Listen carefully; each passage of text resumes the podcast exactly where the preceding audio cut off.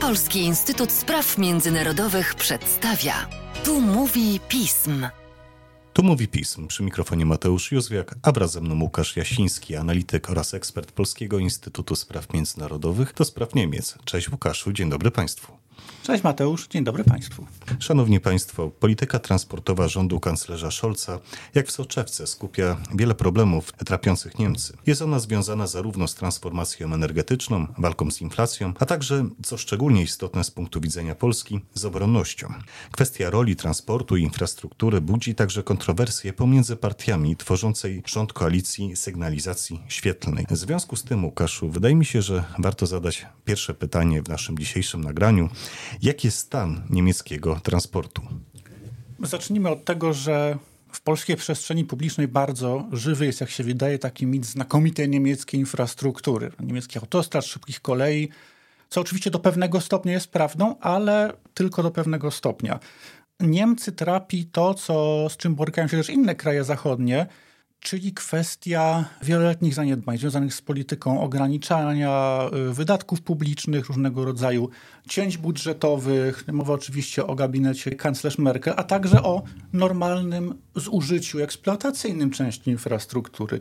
Dodam, że chociażby duża część autostrad, infrastruktury, budynków, mostów, wiaduktów pochodzi na terenie Niemiec zachodnich jeszcze za 60 czyli to są obiekty mające już grubo pół wieku, których czas przydatności do eksploatacji powoli się kończy. I według takich szacunków mówimy o 28 tysięcy mostów i wiaduktów autostradowych. To są potężne ilości. Tak, z których połowa w najbliższych kilku latach będzie musiała albo przejść generalny remont, albo wręcz zostać rozebrana i zbudowana ponownie. Na przykład w grudniu 2021 roku, czyli już ponad półtora roku temu, ze względu na zagrożenie katastrofą budowlaną na kilku mostach w ogóle została zamknięta dla ruchu autostrada A45, która łączy Dortmund z Frankfurtem nad Menem, czyli dwa wielkie, wielkie regiony. I takich miejsc newralgicznych na mapie Niemiec jest coraz więcej. To są po prostu skutki wieloletnich zaniedbań.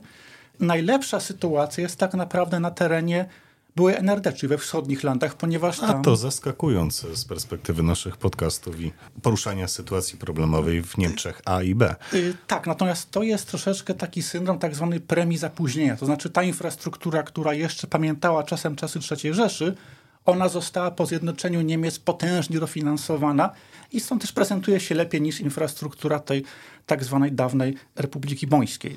Pamiętajmy, że Niemcy są Także ze względu na położenie geograficzne, prawda, wystarczy spojrzeć na mapę, właściwie głównym takim węzłem komunikacyjnym Europy. Łączy szlaki wschód, zachód, północ, południe, Skandynawię z Półwyspem Apenińskim, prawda, Nadrenie z Austrią i tak dalej, e, i tak dalej. Stąd też tak newralgiczna rola dla relacji gospodarczych, także z Polską, dla logistyki, transportu i dla życia codziennego ludności, ponieważ w Niemcy są społeczeństwem bardzo mobilnym. Świadczy o tym fakt, że, to są też oficjalne dane, szacuje się, że z osób zatrudnionych na umowę o pracę 40%, czyli 13 milionów ludzi, należy do grupy dojrzających do pracy, która się mieści poza granicami ich macierzystego powiatu, czy miasta na, miasta na prawach powiatu.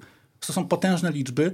Ci ludzie plus uczniowie, studenci potrzebują dobrej sieci dróg, dobrej sieci kolejowej, a z tym wcale nie jest do końca tak różowo, mówiąc kolokwialnie, jak się często wydaje. W jaki sposób doszło do y, takich zaniedbań właśnie w ostatnich latach? Czy marginalizowano ten problem, czy raczej odkładano go w czasie? Tutaj do, mamy do czynienia z kilkoma zjawiskami. To znaczy, nacisk kładziono z jednej strony na dofinansowywanie wschodnich landów, prawda? Z drugiej strony to jednak mamy też do czynienia od wielu lat z takimi kolejnymi kryzysami w które popada w ogóle świat zachodu, czy cała Unia Europejska. I to się oczywiście odbija na wydatkach budżetowych. Po trzecie, jeśli chodzi zwłaszcza o kolej w Niemczech, no to jednak jest to też pułapka tak zwanej optymalizacji kosztów, która często polega na tym, że zamyka się linie, które uchodzą za nierentowne, że y, nie ma wystarczającej liczby pracowników i tak dalej, y, i tak dalej. Więc to są takie zjawiska, które jak w soczewce skupiają w sobie wiele problemów trapiących zresztą nie tylko y, Niemcy.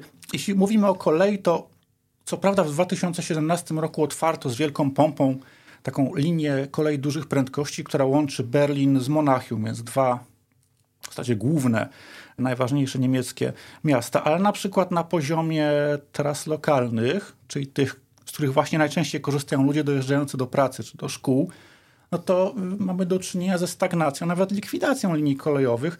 Co ciekawe, w jednej ze statystyk Polska nawet Niemcy wyprzedza, mianowicie w Polsce 63% linii kolejowych jest zelektryfikowanych, a w Niemczech zaledwie 61.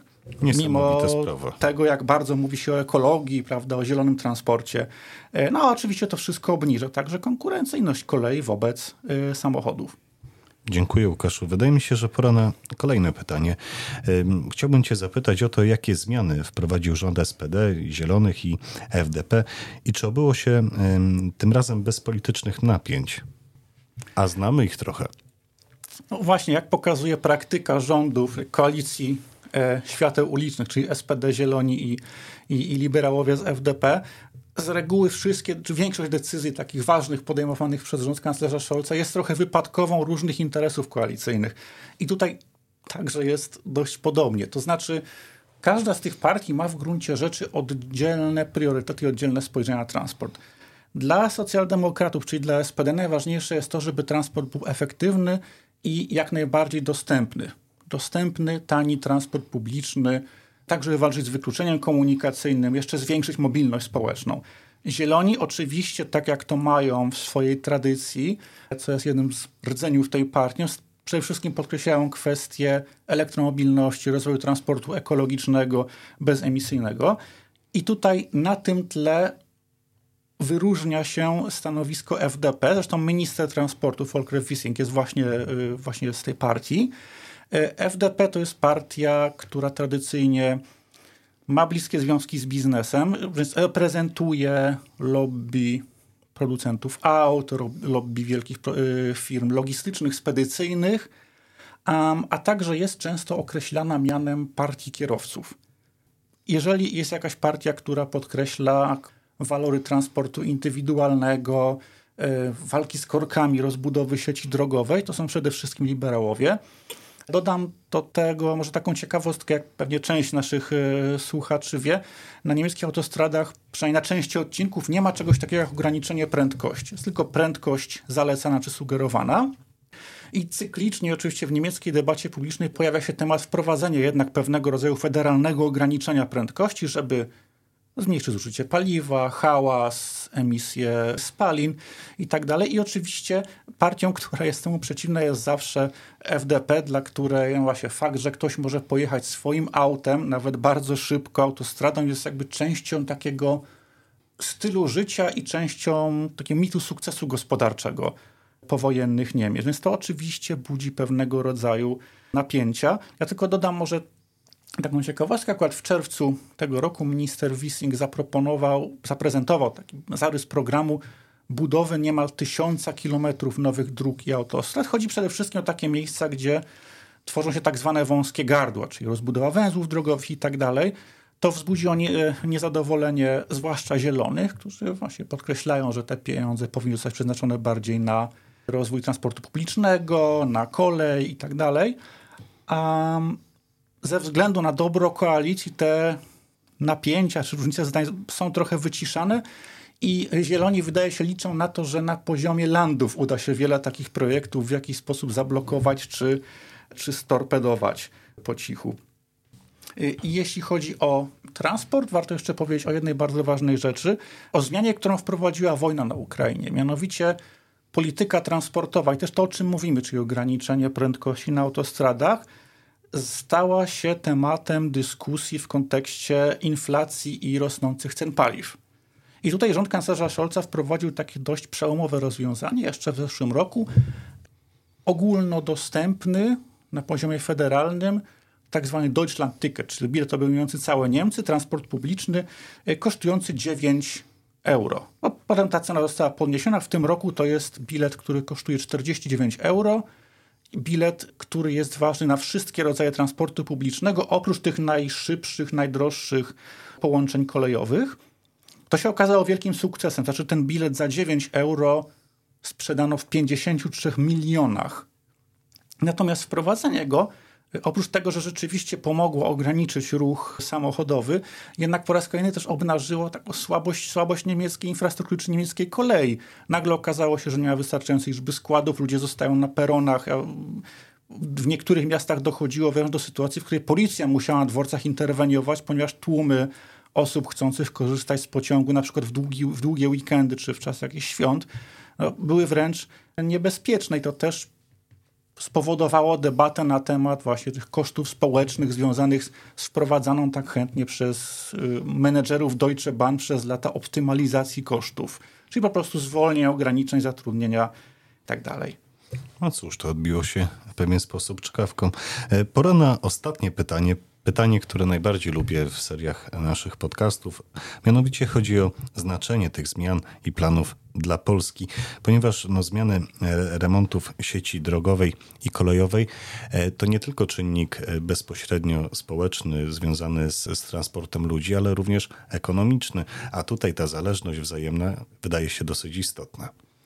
Tak, tutaj trzeba powiedzieć, że liberałowie mają trochę rację, kiedy podkreślają, że duża część spedycji ruchu towarowego po prostu będzie się odbywała transportem drogowym, no bo trudno sobie wyobrazić, żeby już ten przysłowiowy każdy Lidl nie dysponował własną bocznicą kolejową, prawda? To jest zwyczajnie nie, niewykonalne. Stąd też no, rola dobrego transportu między Polską a Niemcami, dobrej sieci drogowej i kolejowej jest tutaj niezbędna. Cała masa ludzi, którzy po prostu mieszkają w Polsce, a pracują w przygranicznych regionach, a także odwrotnie niekiedy, jeśli chodzi o plany rozbudowy sieci kolejowej czy połączeń, teraz bardzo ważnym także w kontekście transformacji energetycznej jest trend rezygnacji czy sugerowania ludziom rezygnacji z krótkich lotów, z lotów na krótkich trasach lotniczych na korzyść na przykład nocnych pociągów. No i tutaj niestety, jak patrzymy na plany Deutsche Bahn, y, planowane są nocne połączenia chociażby ze Szwecją, z Danią, z Czechami, z krajami Europy Zachodniej, ale niestety Polski na tej liście nie ma. Właściwie jedyną taką inwestycją, która może wpłynąć korzystnie na transport między Polską a Niemcami, to jest planowana modernizacja części linii kolejowej z Berlina do Szczecina. To jest taka linia, która na pewnym odcinku jest jednotorowa, niezelektryfikowana i co za tym idzie wykorzystywana tylko w niewielkim zakresie.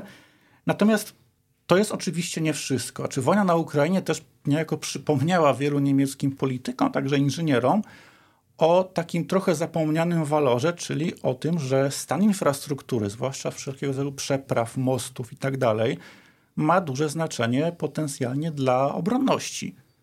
Znaczy, innymi słowy, chodzi o to, żeby zapewnić taką sieć tras kolejowych, drogowych, mostów, które mogą na przykład zapewnić szybkie przerzucenie czołgów, transportu, transporterów. Wszelkie logistyki związanej z zaopatrzeniem Dokładnie. poszczególnych wojsk, oczywiście. Tak, całej tej wojskowej logistyki, skomplikowanej i no, potężnej w dzisiejszych czasach, tak aby jak najszybciej można by było przerzucić wojska na przykład z zachodnich Niemiec, czy to do wschodnich landów, czy na przykład do Polski, bądź w ogóle na wschodnią flankę NATO. I to jest też kwestia, która była żywo pamiętana i której przestrzegano w czasach zimnej wojny, znaczy w RFN wówczas.